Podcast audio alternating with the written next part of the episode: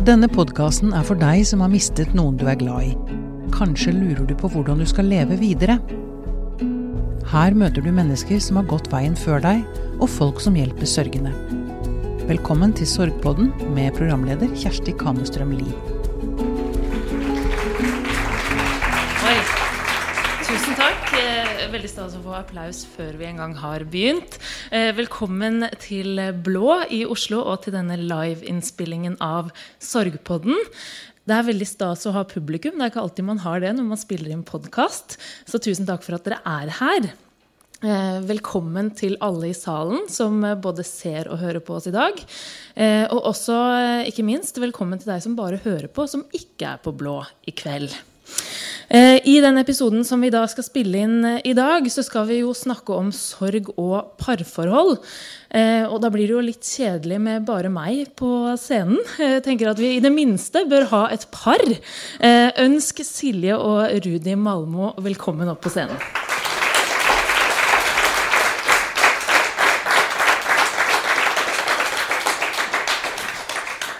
Velkommen begge to. Sitter dere greit? Ja, tusen takk. Takk, takk. Jeg, jeg tenker rett og slett at vi hopper i det og starter med det vanskeligste først. Så er vi på en måte litt ferdig med det. Eh, men vi skal spole tilbake til høsten eh, 2013. Torjus, eh, deres førstefødte sønn, han døde av en hjerneblødning, og han rakk ikke engang å bli to år gammel. Hva var det som skjedde, Silje? Eh, Torjus han eh, var en eh, frisk og fin liten gutt eh, som plutselig ble syk. Eh, ja, helt vanlig virussyk, sånn som barn, barnehagebarn blir. Eh, det varte og rakk, og så fikk han en morgen plutselig krampe og mista bevisstheten.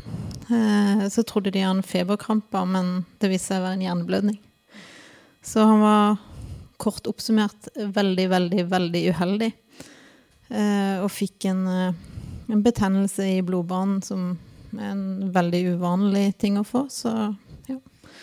Som gjorde at, eh, at han fikk en hjerneblødning og, og døde til slutt. Eh, Rudi, det er sikkert veldig vanskelig å, å oppsummere helt, men hvordan var den, den første uka eh, etter dette skjedde for, for deg og, og for dere? Uvirkelig. Eh, De første dagene rett etter han døde, så trodde jeg vel ærlig og oppriktig at jeg kom til å dø av, av sorg, rett og slett. Hvordan føles det?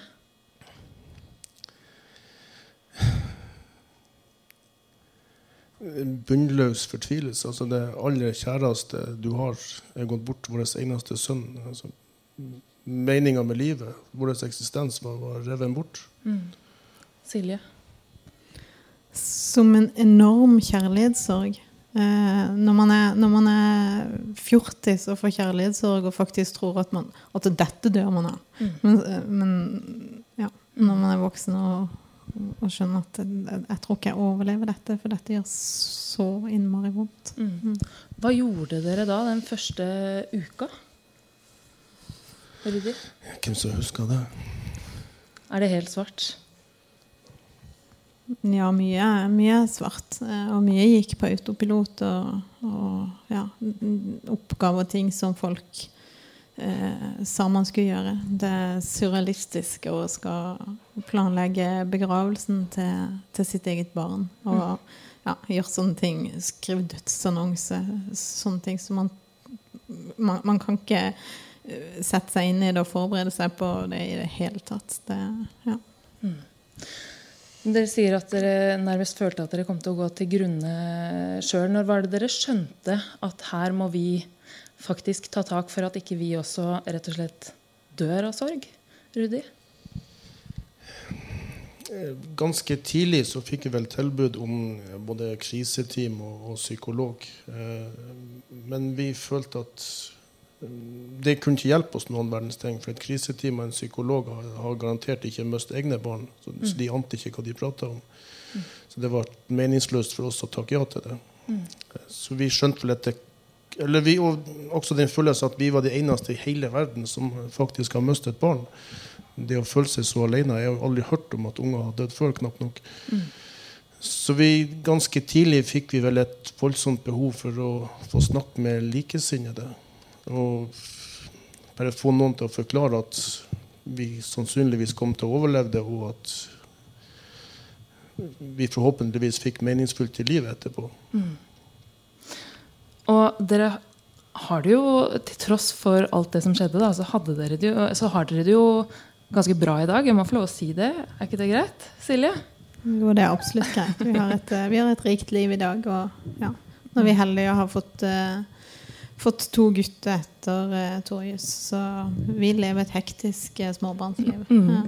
Eh, og det er jo på en måte veien hit i dag da, som skal stå i fokus. Veien fra høsten 2013, hvor det helt eh, forferdelige skjedde, og fram til i dag. Og hvilke grep dere har tatt for å, å få til det.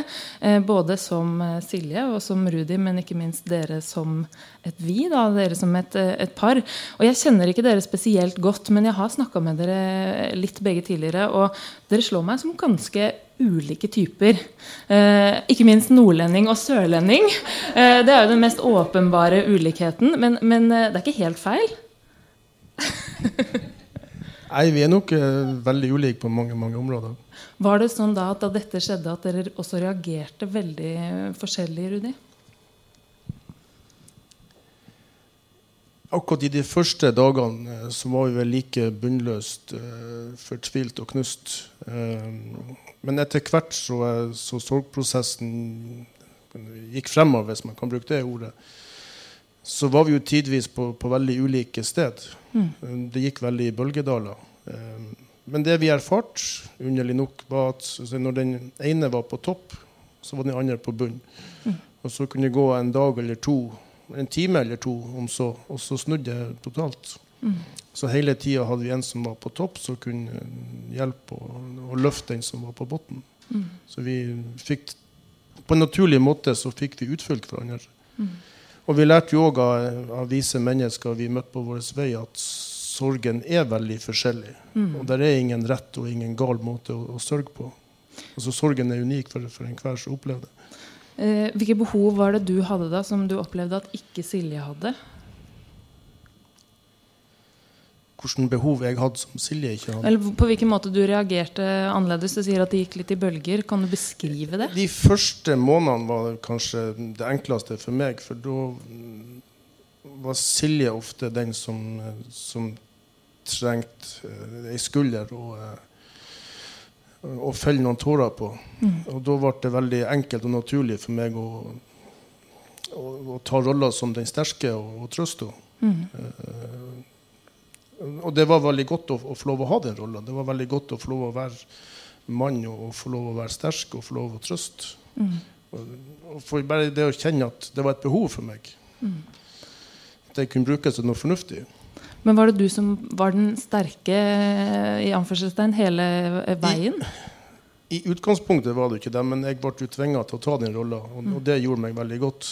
Men eh, etter de første ukene, første månedene, så ble det mer naturlige bølgedaler for oss begge. Og minst like mange ganger der jeg var nede og, og Silje løfta meg opp. Har du den samme opplevelsen? Ja, så har jeg lyst til å tilføye at det, er- det er jo for, fortsatt litt sånn at, at vi har den dynamikken med at den ene trenger den andre i, i periode. Eh, men vi hadde faktisk et eh, under, underveis i dette et eksperiment der vi skulle prøve å la Rudi få være den svake en stund. Oi. Fordi jeg følte at han hele tida måtte trøste meg. Hvordan gjorde dere det i praksis? Eh, Silje nå, sa nå, ganske enkelt nå har du sagt ja. Silje, Silje sa vel ganske enkelt at Rudi, nå er det din tur å, å sørge over et trist og lei deg, så skal jeg prøve å løfte deg opp.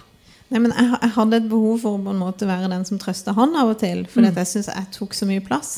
Men når vi gjorde dette, og det, vi snakka om dette eh, på, på BUP med noen vi gikk til der, og sånn, og, og fant ut at da skulle vi prøve det. Men det funka skikkelig dårlig, for da ble jeg Det funka dårlig i den grad at, at Rudi ble nesten apatisk. Altså han, han ja. Du likte ikke å, å bli trøsta, rett og slett? Jeg gikk forferdelig inn i rolla som offer. Og kom i en, i en spiral jeg ikke klarte å komme ut av. Så jeg ble bare mer og mer stakkarslig. Jeg, jeg kunne ikke smøre på meg egen brødskive, jeg kunne ikke sette i oppvaskmaskinen. Silje måtte legge frem klærne opp meg om morgenen. Hvor lenge varte dette? Silje? Har det vedvart? Nei, det har ikke vedvart. Men, men, men, den spesielle perioden som jeg refererer til, så, så, var det faktisk sånn at han ble eh, virkelig deprimert av det. Og at det, det funka bedre for han å være sterk, være mann, være den som passer på. Mm. Du sa dere fikk noen, eh, noen, råd av andre om å gjøre dette her. Og dere har jo også gått i, i parterapi etter at uh, denne hendelsen inntraff. Og jeg tenkte Det er på tide å, å få opp uh, vår siste gjest her i dag. Uh, Bjørk Matheasdatter er parterapeut og relasjonspedagog. ønsk henne også hjertelig velkommen.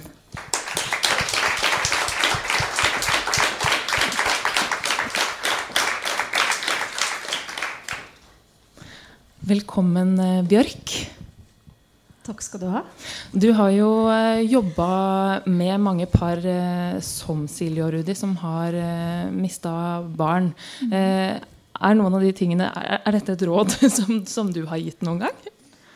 Nei, jeg kjente ikke helt igjen det rådet. Men det som jeg tenker er fint i det de som Silje og Rudi sier, ikke nødvendigvis i rådet det er jo at de i hvert fall prøver, og har prøvd, på sin måte å løfte hverandre.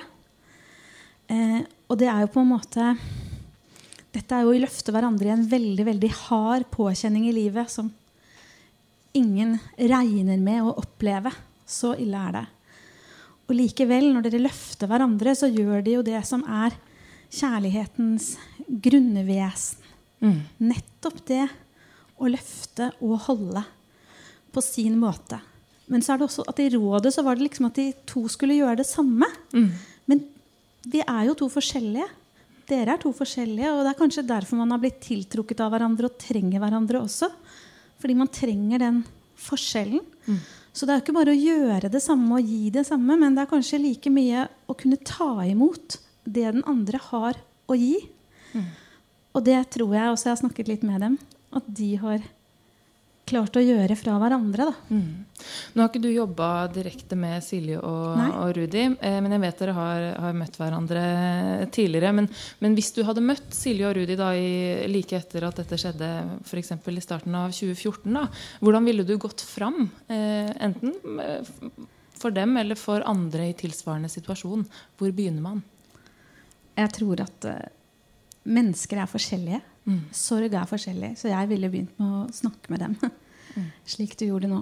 Og mm. hørt hva de trengte. Og prøvd at de selv også var med å finne ut hva de trengte. Mm. Hva var det dere trengte aller mest av, Silje? Hvis eh, Bjørk hadde stilt deg det spørsmålet i begynnelsen av 2014, hva var det du trengte da?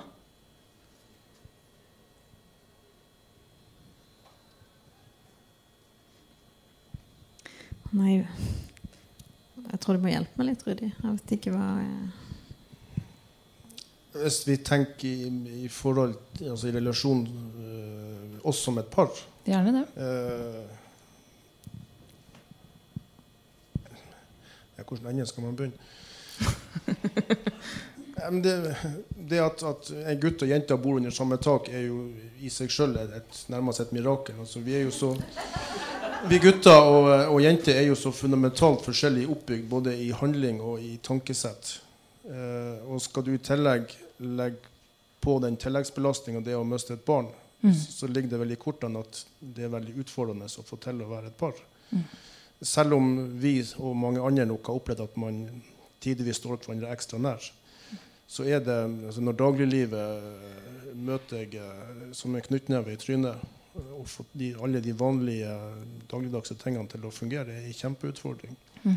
Og det var vel det vi brukte uh, parterapi og psykologene til. Ikke til å bearbeide sorgprosessen, for det måtte vi ha likesinnede og, og lubb til. Mm. Men akkurat det å å få en god dynamikk i parforholdet, uh, brukte vi uh, det det offentlige har å tilby, og kakken til. Mm. Men det som er forskjellen når man mister et barn, da, og dere jo er et par som er foreldre til det barnet, er det er jo både din sorg, Silje, og din sorg, Rudi, og så er det deres felles eh, sorg. Hvor viktig er det å, å, ha en sånn sorg som er eh, felles, Bjørk? Jeg tror i hvert fall det er veldig viktig å anerkjenne hverandres sorg. Og det gjelder jo også for de som kanskje hører på denne poden, som ikke har mistet et barn, men har mistet noen andre som gjør at den ene i parforholdet sørger. Og det å kunne anerkjenne at sorgen er forskjellig, eh, og at den uttrykker seg, materialiserer seg forskjellig. Og kunne gjøre det som Jeg har en god venn som jeg har holdt mange av disse kursene for eh, par som er rammet av sorg, sammen med. Og han har selv mista et barn. Og han har fortalt meg Jeg har fått lov å fortelle dette her fra han. da, mm. At han og kona de er så glad i en vits. Eh, og det er den vitsen hvor to tomater går over en vei, og den ene blir overkjørt. Og så sier den andre tomaten 'kom an ketsjup'. Og den vitsen bruker de seg imellom. Og så sier de 'vet du hva', nå trenger jeg at du er den tomaten som sier 'kom an ketsjup', for nå føler jeg meg helt ketsjup. og den passer kanskje ikke for andre, men den passer for de to. Men jeg syns allikevel den beskriver nettopp det som dere også er inne på at noen ganger er den ene sterk og den andre svak. Og sånn er det også i parforhold. At vi hele tiden vi balanserer hverandre. Litt sånn ubevisst på mm. veldig mange ting. Og også på dette. Mm. Eh, men så spurte du den felles sorgen. Eh, og det som er med vi-et, som jeg er litt opptatt av, går kanskje litt utover det du spør om, men det er at det vi mange ganger ikke er klar over når folk sørger, og som kan være også et fint utgangspunkt for par å snakke sammen om. Det er, for vi sørger jo over det mennesket som er borte. Altså, sorg er kjærlighet, tenker jeg. Mm. Vi hadde ikke sørget hvis vi ikke var glad i noen og ikke elsket den som var borte. Så det var det kjærligheten. og Derfor har vi også sorgen med oss hele livet. Men vi sørger ikke bare over det mennesket som det var. Men vi sørger over den jeg var sammen med det mennesket. Mm. Og den Silje og Rudi var sammen med sønnen sin kan de sørge over. Eh, og ikke bare den man var, men den man også ville blitt. Mm. Hvem ville jeg blitt sammen med deg? Og det ser jeg at veldig mange har utbytte av å snakke om. Da, da kommer man veldig borti mange tanker. Mm. Mm. Silje, du gikk jo fra å være eh, veldig opptatt eh, småbarnsmor til plutselig å, å, ikke lenger ha et barn som var i live. Eh, det er jo en veldig stor overgang, som, som Bjørk sier. Kan du beskrive litt de følelsene du, du satt med? Mm, ja, Det er kanskje en av de følelsene jeg husker som var vanskeligst. Det å faktisk være forelder uten at noen kunne se at man er Mm. Altså fysisk kan se at man er det. For at man føler man har en, en liten en på armen, og så er det ingen som kan, kan se det. Altså, ja. Mm. Man har lyst til å gå i Dyreparken, men man har ikke noe grunn for å gå der. Mm. mm. Rudi? Det blir mye det samme som, som Silje sier, at vi mister identiteten. Når vi endelig ble foreldre i, i, godt voksen alder, så var vi så usannsynlig stolte over det. Og plutselig var han borte for oss. Mm. Dere har jo eh, tatt grep, som man ofte sier, da. Eh, men dere har jo, det, dere har jo nærmest utvikla en slags eh, det dere ofte kaller en verktøykasse. Eller noen eh, læresetninger. Det høres veldig systematisk og pedagogisk ut. Ganske imponerende, egentlig.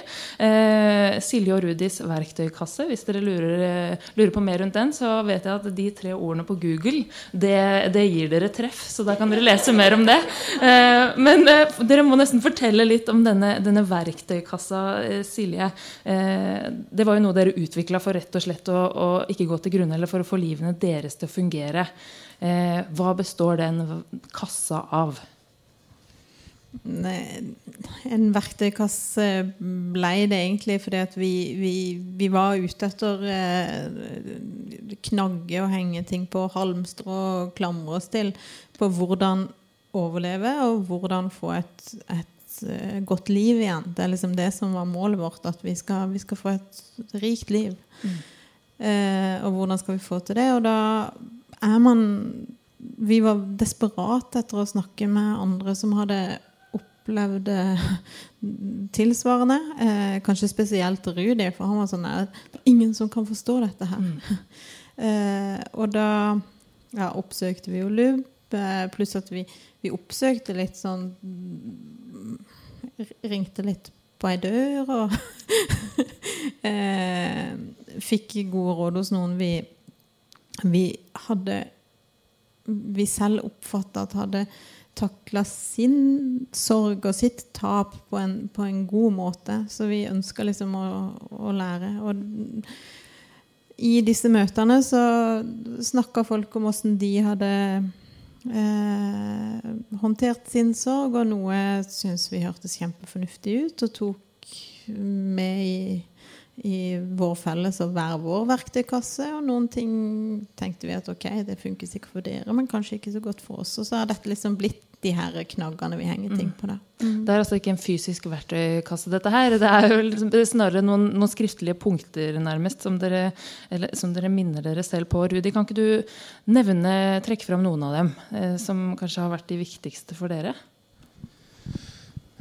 Ja, helt i starten eh, altså vi, møtte jo, vi møtte jo masse kloke mennesker, heldigvis, veldig tidlig på vår sti etter å miste Torjus.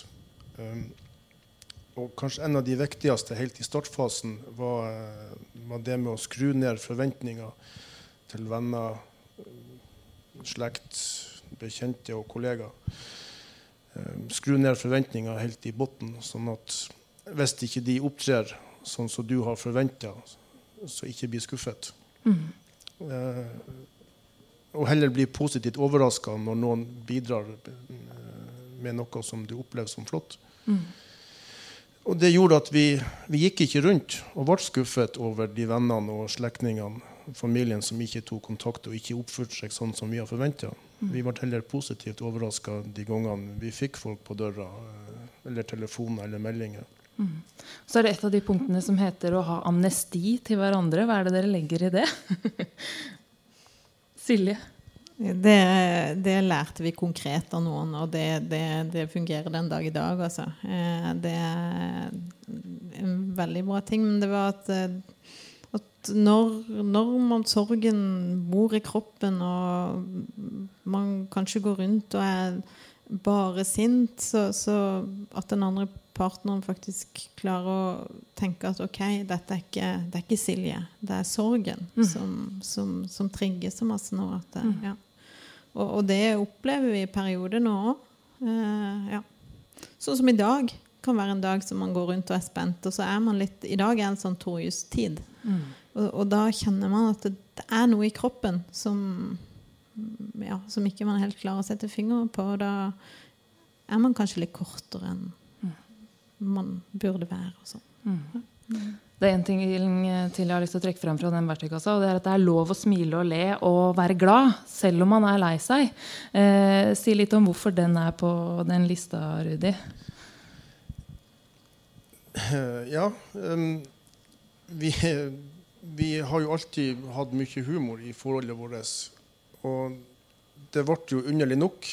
Så satt vi jo dagene og ukene etter Torjus gikk bort så kunne vi jo sitte og, og, fortelle historier fra hans tid, og, og tidvis ende opp i nærmest i krampelatter. Og med en gang krampelatteren har lagt seg, så kjenner du en sånn klump i, eh, i, magen og hjertet av mm. dårlig samvittighet. For vi, ikke, vi, kan ikke sitte og flire uh, og spøke når vi nettopp, bare for noen dager eller uker siden, har med sønnen vår. Mm. Um, Silje har sagt det til meg at det er noen som syns dere er litt rare. fordi at det, eh, er særlig noen ting som nordlendinger sier som ikke alltid passer seg like godt i alle sammenhenger. Men jeg vet ikke om du er enig i det. Jeg ser det på ansiktsuttrykket ditt at dette er sikkert en pågående diskusjon om hva som er morsomt og ikke. Men greit. Men eh, Bjørk, eh, er det vanlig å være så systematiske som det disse to jo er? Å lage en sånn verktøykasse for, seg sjøl? Den er vel på 20 punkter, eller noe sånt? Eller er den litt kortere? Uansett, en del punkter som man da tar med seg eh, videre i livet? Nei, det er ikke helt vanlig. Det er veldig, men det er en virkelig ting å anbefale til andre mm. å gjøre. Og jeg spurte jo dere før i dag om om dere gjør det også det at dere at dere gjør det, og at dere forteller om denne verktøykassa til andre. Kan dere si noe om hvordan det er en måte at dere minner Torjus på? Silje? Ja, det er jo det. Eh, de gangene vi på en måte har snakka om han, har jo vært i, i eh, LUB-sammenheng for foreldre som, eh, som nylig har mista barnet sitt. Og det er jo, ja Kanskje noen kan ta med seg noe av det som har fungert for oss. Sånn. Og ja, å være en ressurs i LUB er jo Eh, det er jo eh, en måte å hedre Torjus på. da, og, mm. og, gi noe til andre i en forening som har gitt oss mye i en veldig vanskelig tid. For de som ikke kjenner til LUB, da, og som hører på og lurer på hva det står for, så er det altså Landsforeningen uventet uh, barnedød. Bare sånn at alle følger med. Det jeg tenker er så fint med at de også har laget disse, denne verktøykassa og, og har det så systematisk, som du sier, det er jo også at når man opplever sorg, opplever veldig følelsesmessig omveltende ting, så blir det jo et kaos oppi hodet. Og ofte et kaos mellom oss. og da kan på en måte noen sånne punkter, noe helt konkret, være noe rett og slett å holde seg fast i. Og det trenger folk veldig ofte i en sånn situasjon. Men også til det andre, det med å holde han levende, det er jo også noe folk som har mistet, sier. At de vil så gjerne at de andre rundt og Apropos det dere snakker om forventninger. Eh, og da tenker jeg er viktig å si til alle som hører på podkast, som kanskje ikke er i sorg, men som opplever at andre rundt seg er det, at man tør å snakke om den som er borte. Mm. Eh, fordi at ved å bare gjøre det, så hjelper man så veldig til. For da slipper bare de da slipper de som har mista, å være de eneste som passer på å holde minnet levende. Mm. Og da kan liksom da får man hjelp til det, og da er det også lettere å gå litt ut av det innimellom, for det er noen flere som passer på. Mm. Det var noe dere gjorde ganske tidlig, det å ta fram bilder av Torjus og rett og slett tvinge seg selv til å, å se på dem. Eh, hvordan var det, Silje? Eh, jeg hadde ikke noe problem med å se på bildet av Torjus, men det hadde Rudi. Så det var egentlig meg som tvang han til å se på bildet av Rudi veldig mm. fort etter. Eh, og det tror jeg han har vært glad for, for eh, hvis ikke så hadde han slitt lenge med, med å ta frem eh, bildene og ha et godt forhold til dem. Eh, Hvorfor ja. tenkte du at det var viktig? Ja, Det husker jeg ikke konkret. Jeg bare mm. ønska at han skulle huske han som den fine gutten han var, mm. og ikke som den døde gutten vi forlot på sykehuset. Mm. Hvordan var det å bli tvunget til det, Rudi? Det var helt forferdelig. Det mm. var eh, en halvtime eller time etterpå vi har fått beskjed at nå var alt håp ute. Mm. Altså han, han, lå ennå i respirator, men han var erklært eh, hjernedød. Mm. Så da var alt håp ute. Eh, vi satt i senga på pasienthotellet.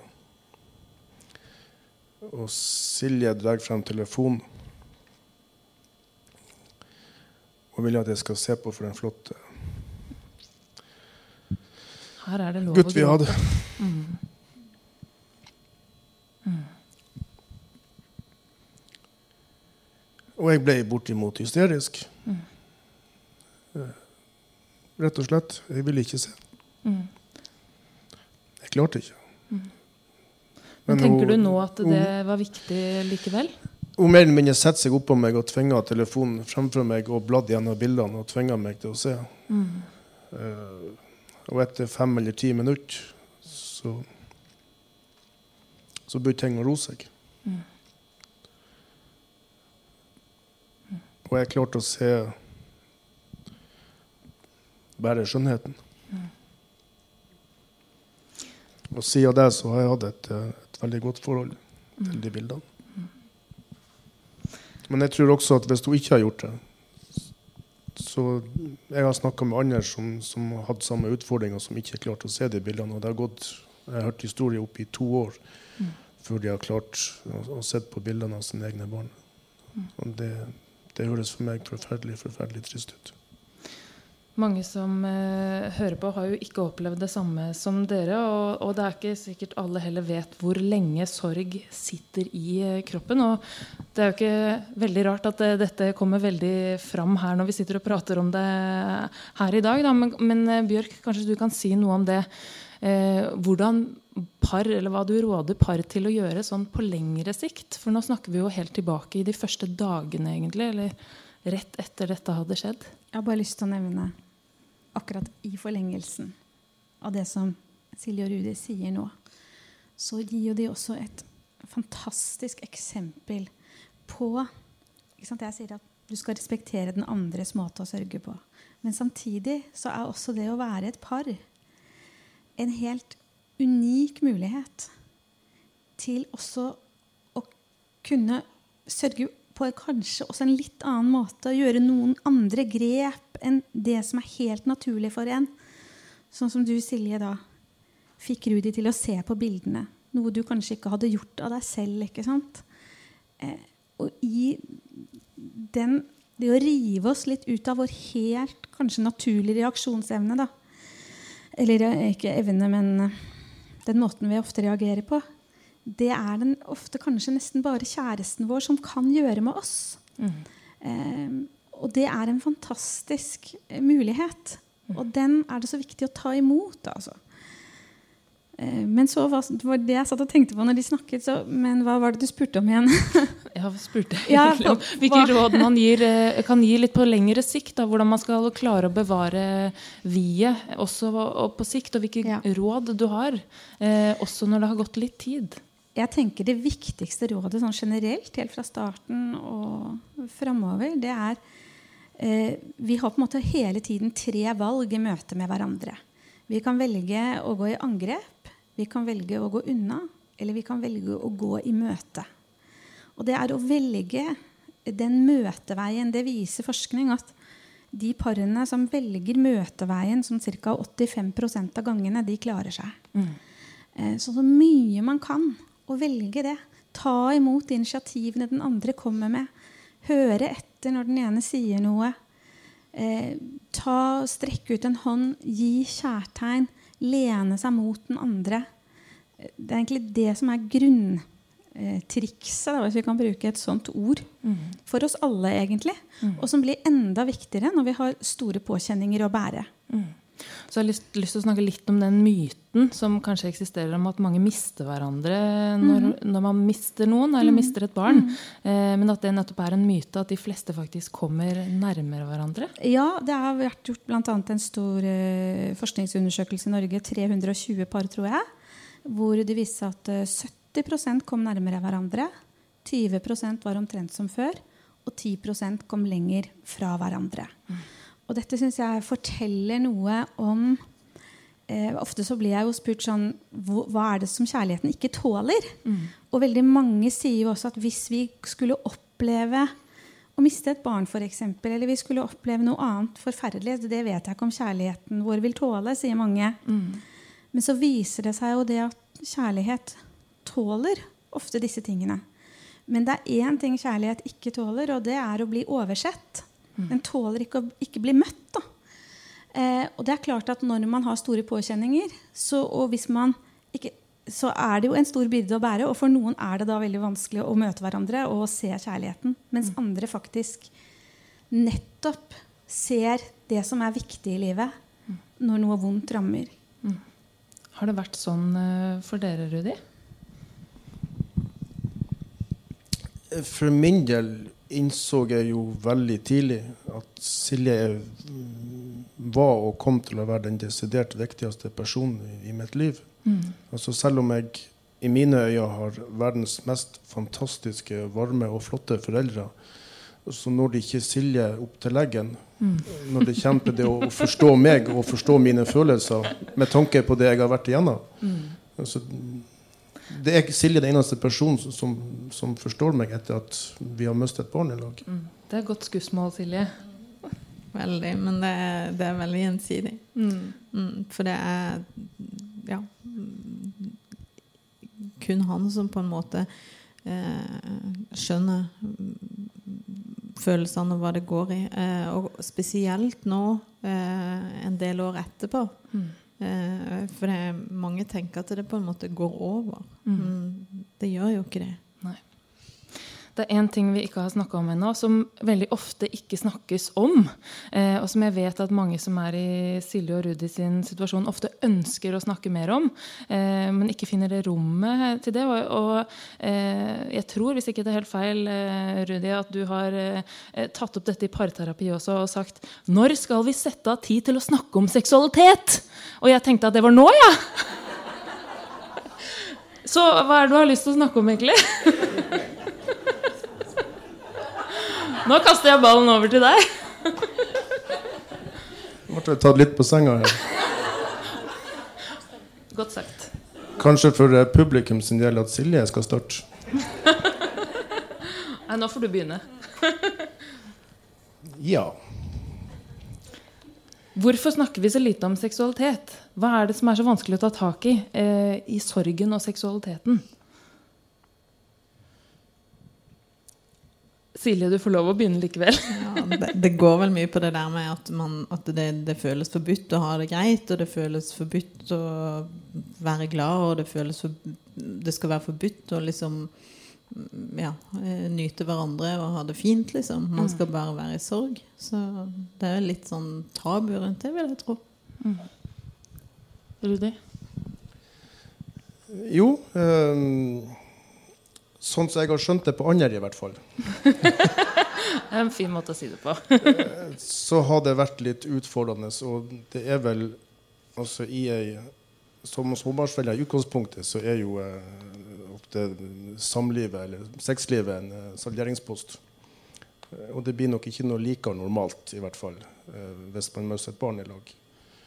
Og det er nok garantert ikke enkelt å skal ta det opp med partneren sin. Kanskje den ene føler, har veldig behov for, for, mer nærhet, mens den andre har det stikk motsatt. Mm. Og hvor hjerterå har man lyst til å være og begynne å skal ta opp noe sånt kanskje måneder eller et år etterpå noe så brutalt har skjedd i livet. Mm. Men der tror jeg òg det er forskjell på, på, når man mister barnet. Der har jeg lyst til å tilføye sånn i forhold til om man har mista barnet eh, et barn som har levd, og et barn som er mista i magen. og sånne ting. Jeg tror det er en forskjell der på hvor man er. Mm. Bjørk, hva er det som gjør at det er så vanskelig å snakke om den tematikken? Det er jo sikkert vanskelig å snakke om for mange fordi det kjennes privat. Mm. Og privat skal det på en måte være også. Mm. Eh, for det er kanskje noe av det som eh, At seksualiteten er noe det er det jeg har sammen med deg, med deg jeg lever med. Man deler ikke det rundt. Samtidig så er det jo veldig viktig å snakke om de tingene som Silje og Rudi tar opp. at Er det lov? ikke sant? Mm. Eh, jeg tenker jo eh, ut fra alle parene jeg har møtt, at det er så forskjellig. Mm. At det er kanskje det som er det viktigste å få sagt. At for noen eh, så vil det jo være sånn at de orker ikke tanken på sex i det hele tatt. Eh, de er eh, kjempeslitne, kjempetrøtte. Og det spørs jo også hvordan type seksualliv har de hatt før dette. ikke sant? Mm. Eh, mens kanskje et par som har vært vant til å, være, å ha mye sex og være mye nær hverandre, eh, vil jo det kanskje være helt naturlig å fortsette med det. Og det er kanskje akkurat i eh, seksualiteten, i den nærheten, at de virkelig føler at alt det ordløse, all den sorgen alt, Jeg kommer nær deg. Mm. Eh, og når man har det skikkelig vondt, så kan man jo av og til føle at man liksom bare har lyst til å krype inn under huden på kjæresten sin. Mm. Eh, og igjen dette med nærhet. Da, å gå i møte. Altså, kjærlighet er kontakt. Mm. Og hvis vi på en måte lar være å være i kontakt, det er det farligste. Eh, men det vanskelige skjer jo hvis det er en i parforholdet som opplever at men det er det jeg trenger nå. Jeg klarer ikke å snakke så mye om det, men når jeg ligger med deg, når vi er nær, det er da jeg føler at du elsker meg. Mm. Eh, det er da jeg føler at jeg får liksom litt plaster på såret mitt. Mm. Eh, mens den andre ikke har eh, noe som helst lyst eller føler noe behov for det. Mm. Eh, og da er det klart at eh, det aller viktigste er at de paret ikke ender opp i en sånn situasjon der det blir sånn den ene sier 'jeg får ikke klemme engang', og den andre sier 'jeg tør ikke å klemme, for jeg er så redd for at han vil noe mer'. Mm.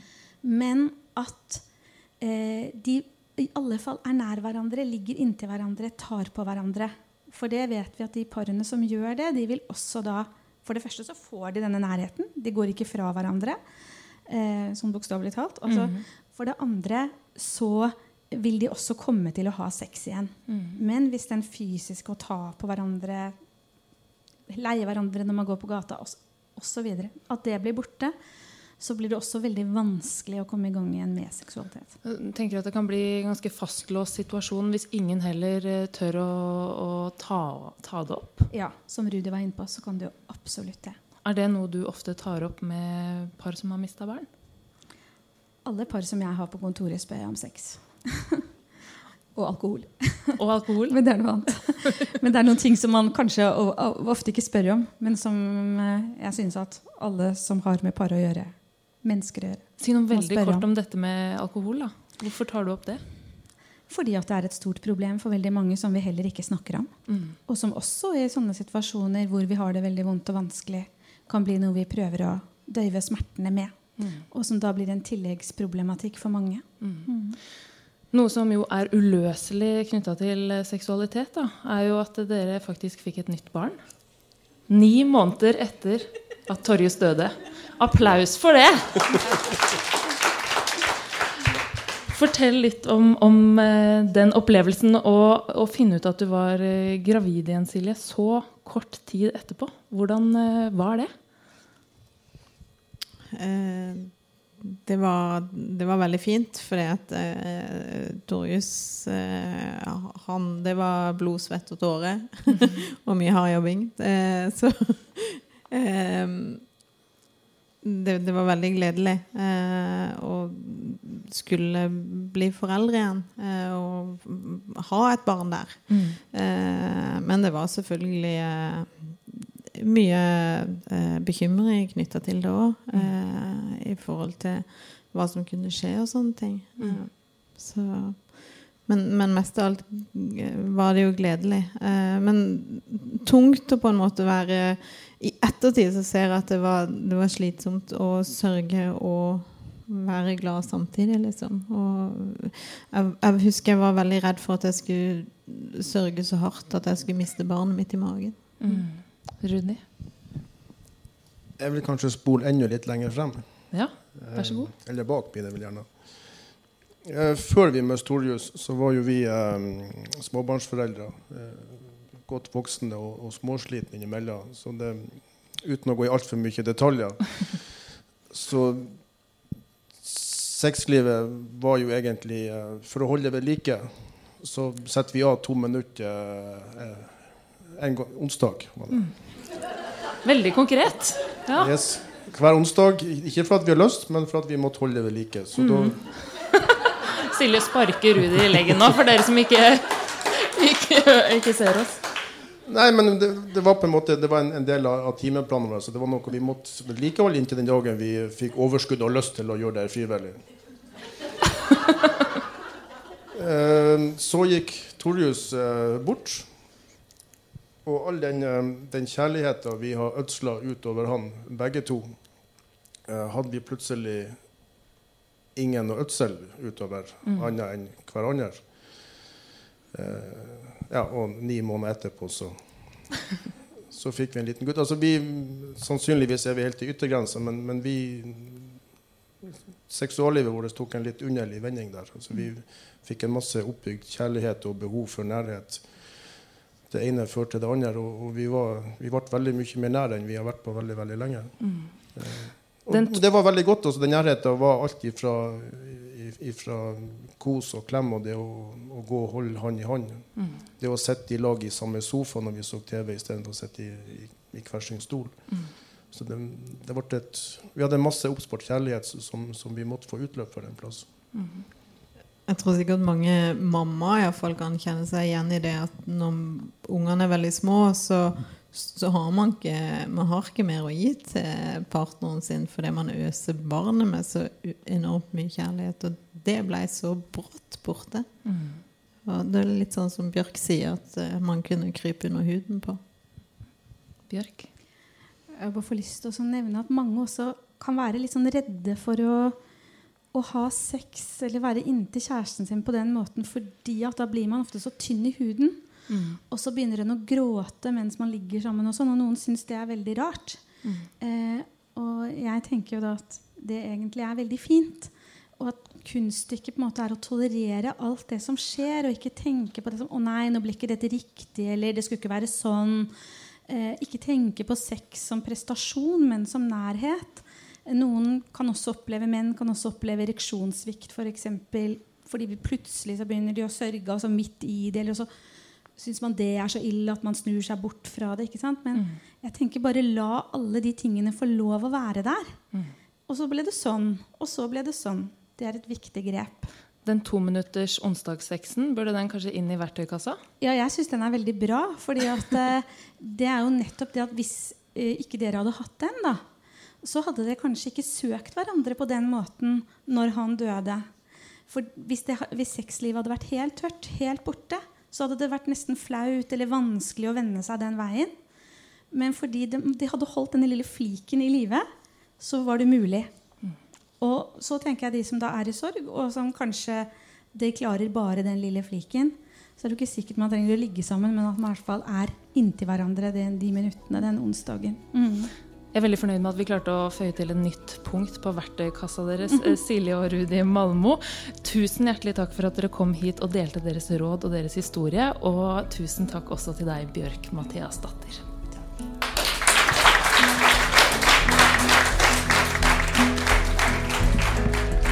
Sorgpodden er produsert av Tid og Lyst for Landsforeningen uventet barnedød, med støtte fra stiftelsen DAM.